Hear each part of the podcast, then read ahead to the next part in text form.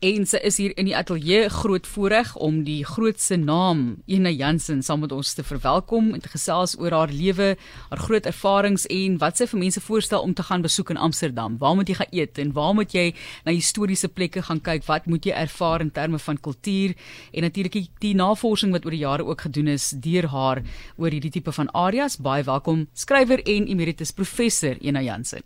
Dankie Martelies. Ek sê vir vir Johanna en vir jou jy jy, lyk so fiks. Ehm um, nou ek is deesdae meestal in die Kaap en dan is Tafelberg nou nie verniet hier op my agterstoep nie.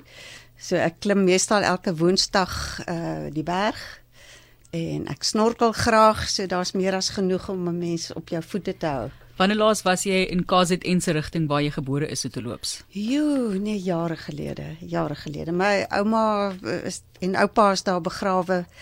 Maar ek het regtig lank gelede spesifiek aanleiding gehad om te gaan. Ja, wil weer 'n bietjie ja. gaan kyk. Ja, ja. Geen net vir ons 'n idee van jou grootword jare en wat jou geïnspireer het op jou pad om die rigting te kies wat jy gekies het, die stories wat jou geïnspireer het oor die jare, die lewenservarings.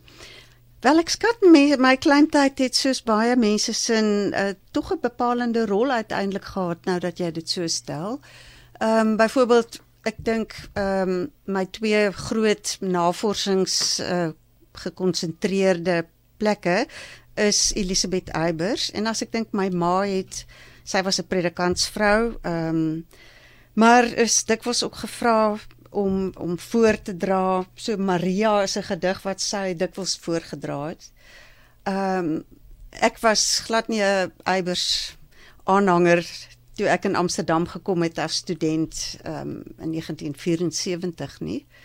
Ehm um, maar tog uiteindelik het ek besef ek ken twee wêrelde van Elisabeth Eybers goed. Ek is ek is ek kom op daai stadium uh uit Suid-Afrika studeer in Nederland, gaan later terug Amsterdam toe.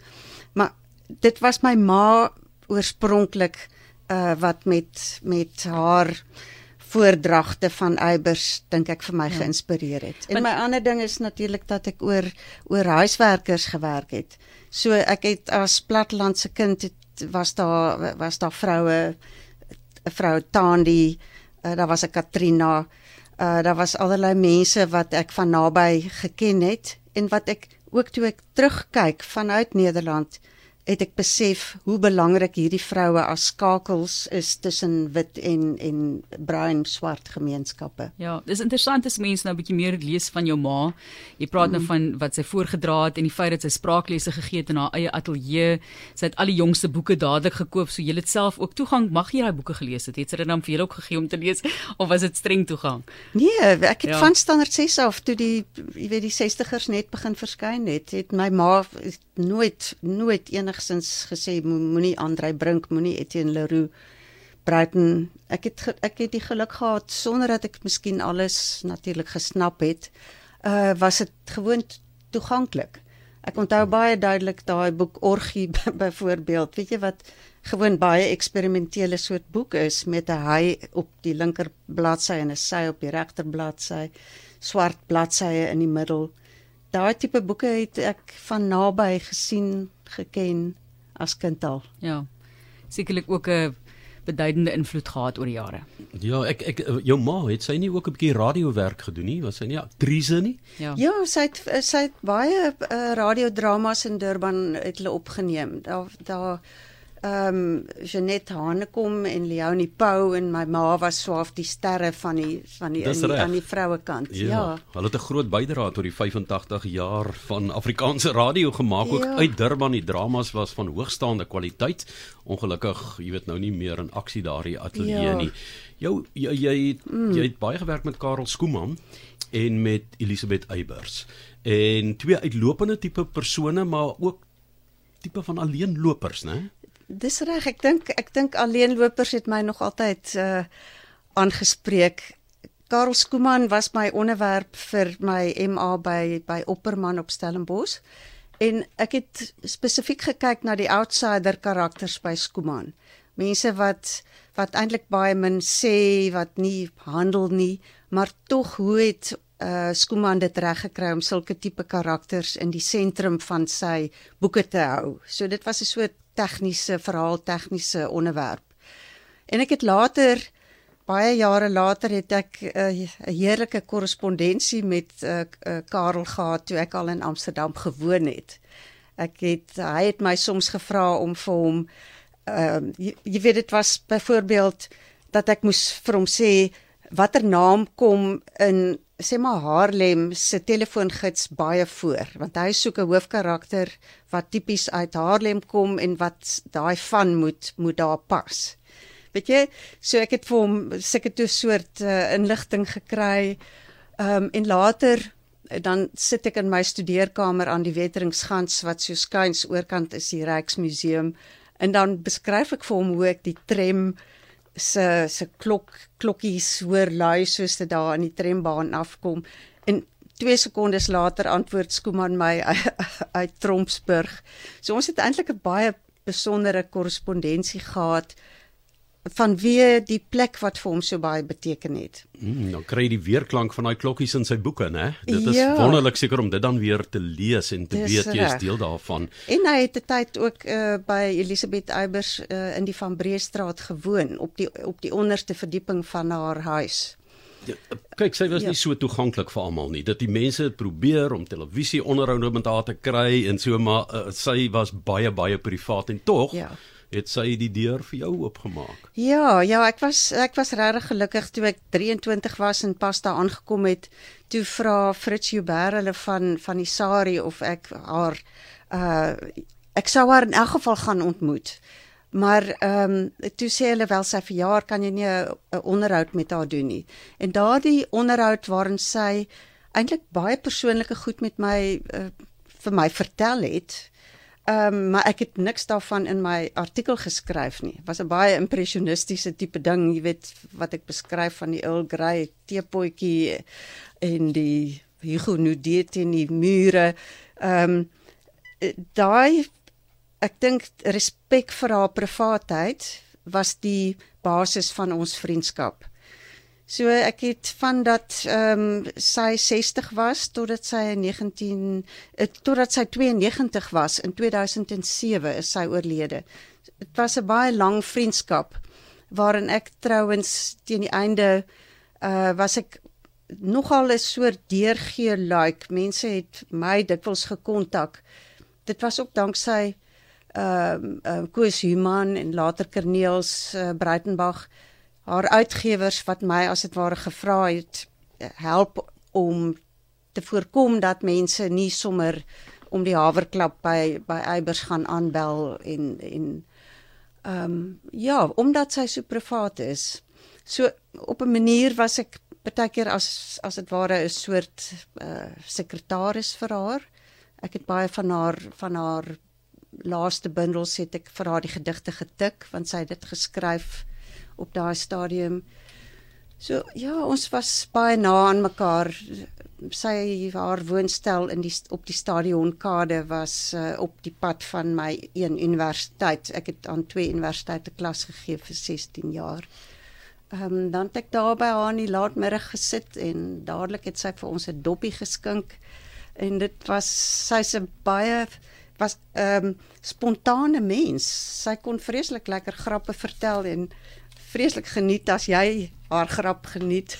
Ja nou, ons is nou nuuskierig. Wat se doppie was dit? Was nie Earl Grey tee nie, né? Nee, nee, nee, sy het nogal gehou van haar wyn en ehm um, uh ja, aanvanklik het sy het, het sy allerlei Franse wyn, maar sy toe Suid-Afrikaanse wyn beskikbaar kom met sy graag so van die Hema uh daai groot winkels het, het regte dooswyn ja. uh sy het gehou van rosé uit Suid-Afrika in die Hemas se verpakking. sy sal nogal hou van die tyd want dit is nou mos rosé tyd, maar ja. ja. Uh in terme van wat sy vertel het, die stories wat sy vertel het, kan jy een van die grappe onthou? Ek weet dis nou nogal Wel een wat ek nogal onthou, kyk sy het vier vier kinders gehad en uh uh net net een seun.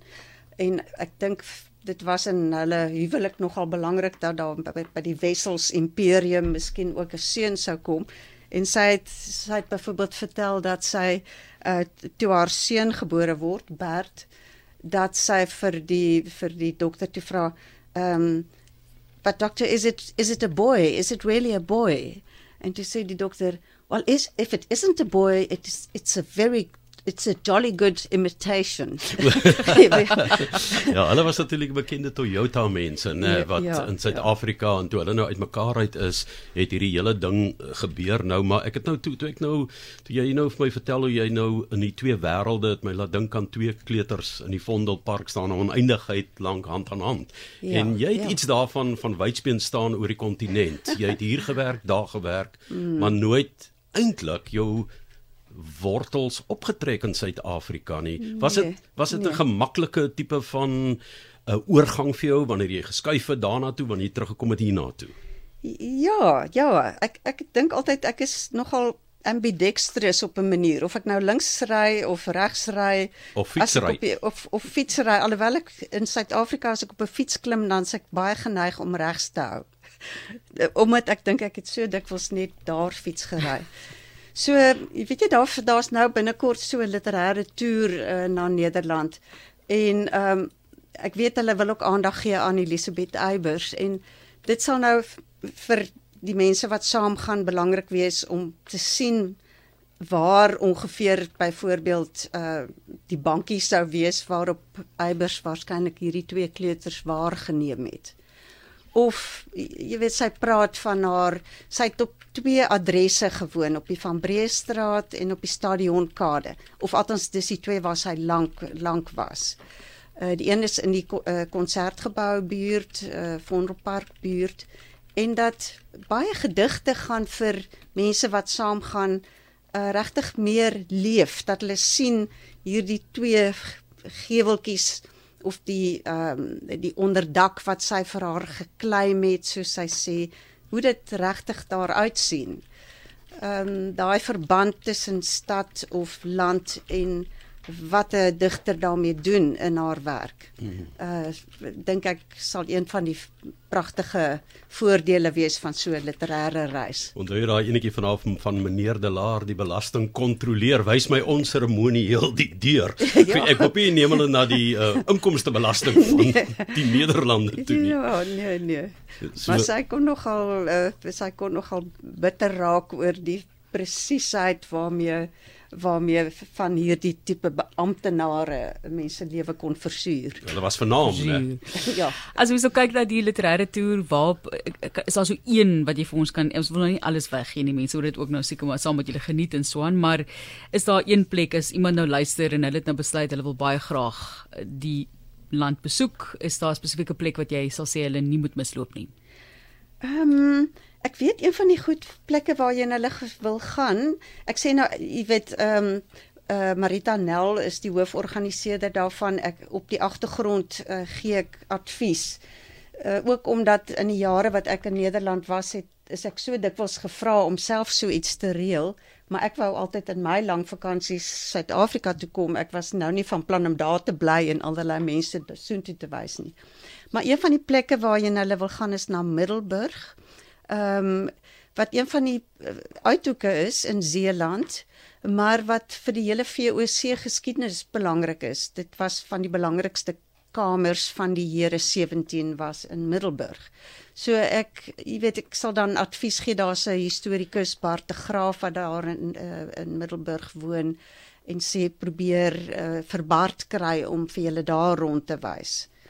Ehm um, ja, van die, van die ouer ehm um, ek dink van Bruggen ehm um, jy weet ons dink terug aan stories soos Ampie en so ehm um, maar van daardie mense ehm um, het ook 'n baie belangrike invloed op Suid-Afrikaners gehad wat daarvandaan af gekom het van die, uh, die uh, skrywers. Ja, ja, uh, byvoorbeeld uh, van Melle het van Goes gekom.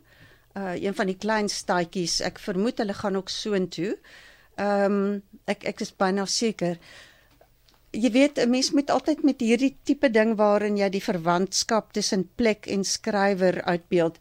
Jy weet as iemand se werk nie noodwendig beïnvloed is deur 'n spesifieke straathoek nie, dan dit is 'n interessante feit om te sê uh jy weet iemand is daar gebore, maar wat my betref hoef jy nou nie al die pad goes toe te gaan om na die plek te gaan kyk nie, maar as dit invloed gehad het op sy werk, dan is dit van belang. Toevallig het ons heimwee nou nou gespeel wat van Bruggen natuurlik geskryf het en Esle Romare getoons het het. Ehm um, ja, so net ou dit is nou net hier voor die nuus. Kan jy glo en hier praat ons oor die mense. Ja, en Eybers het ook natuurlik 'n heimwee gedig wat baie mooi is waarin sy Suid-Afrika en ehm um, en Nederland kontrasteer.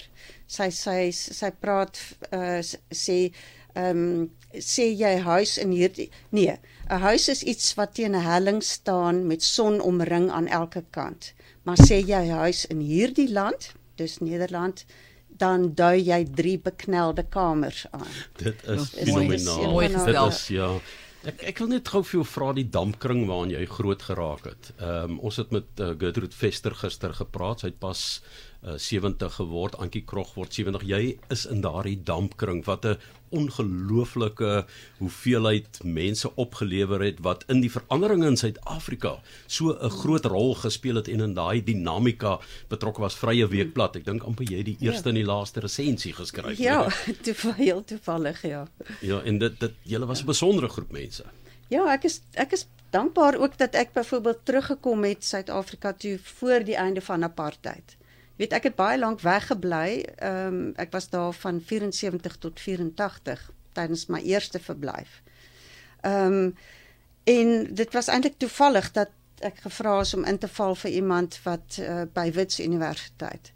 Maar ek sou nooit daar jare van 84 wat toe kort daarna was dit Rubicon, maar ons was 'n eh, soos Max de Pre en ek is ook presies ewe oud en ons het die Afrikaanse Demokrate gestig en ek was in die ECC en die Black Sash. Dit was baie belangrike tye en toe 90 aanbreek het jy gevoel ja, ek het ek was deel van dit wat hier toe uh hier hier in uitgemond het ja. en wat weer afgeloop het uh met 'n sisser sal 'n mens uh, sekerlik sê. John Miles en Ampikutsi ja, en daai mense. Ja, hulle was ja. almal ons was in ja. dieselfde ja. departement by Wits. Daar is nou 'n groot deel van die geskiedenis. Kom ons kyk gou vinnig net na die toekoms kortliks wat moeilik is, maar wat lê vir jou voor en is daar iets wat jy aan werk? Ehm um, ja, ek ek het nogal geniet om die afgelope tyd te vertaal. Ek het sopas 'n boek uh die, die 10000 dinge vertaal. Uh 'n pragtige roman van Maria Dermout. Uh, ek sal by die woordfees ook daaroor daaroor praat en miskien sal ek die Max Havelaar van Multatuli ook ook in Afrikaans vertaal. Dis dit interesseer my om Nederlands-Indië wat wat eintlik soveel ooreenkomste het met uh, Suid-Afrika. Ja. Uh in die politieke omgewing veral uh om om meer daarvan toeganklik te maak. Baie moeilik. Dit is soveel vlakke ja. van ja, grade van moeilikheid wat ek kan dink met daai tipe van onderwerpe. Ja. Baie baie dankie weer eens Emeritus Professor Ina Jansen wat by ons gekuier het. Ons sê dankie vir jou tyd, dankie dat jy ingekom het. Bly so fiks. Geniet die toer en uh die wonderlike werk wat sy vir ons doen hier in Suid-Afrika en natuurlik op internasionale vlak. Ja, en mense wat belangstel om moontlike letterkundige toer mee te maak saam met hierdie mense wat daar eerstehands dan ook van ons ehm um, invloedrykste Suid-Afrikaanse skrywers uh, eerstens gekenne daar. Stuur maar vir brink by rsg.co.za of rademan by rsg.co.za en ons sal julle op die regte spoor lei.